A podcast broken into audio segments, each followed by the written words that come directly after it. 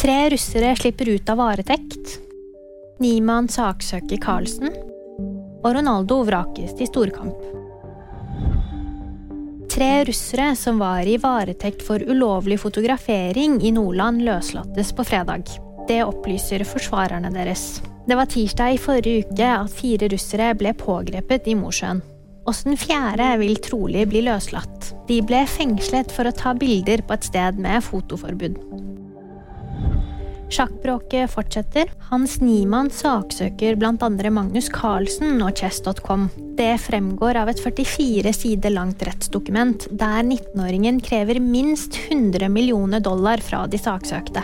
Niemann har den siste tiden blitt anklaget for juks av bl.a. Carlsen. Søksmålet omtaler disse anklagene som ærekrenkende.